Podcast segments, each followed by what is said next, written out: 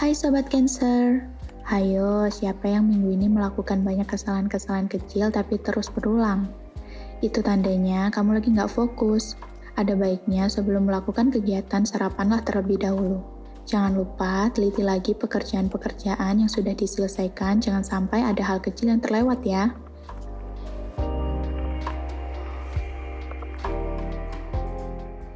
Percintaan untuk Cancer Lovebird. Hubunganmu baik-baik saja minggu ini. Tapi sepertinya ada hal kecil yang mengganjal di hatimu ya.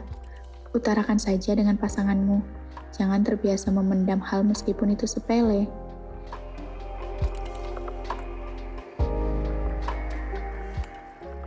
Percintaan untuk sobat Cancer yang masih single.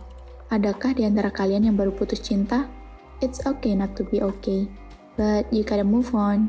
The world is not orbit around your ex, so leave your own word and find another one, okay?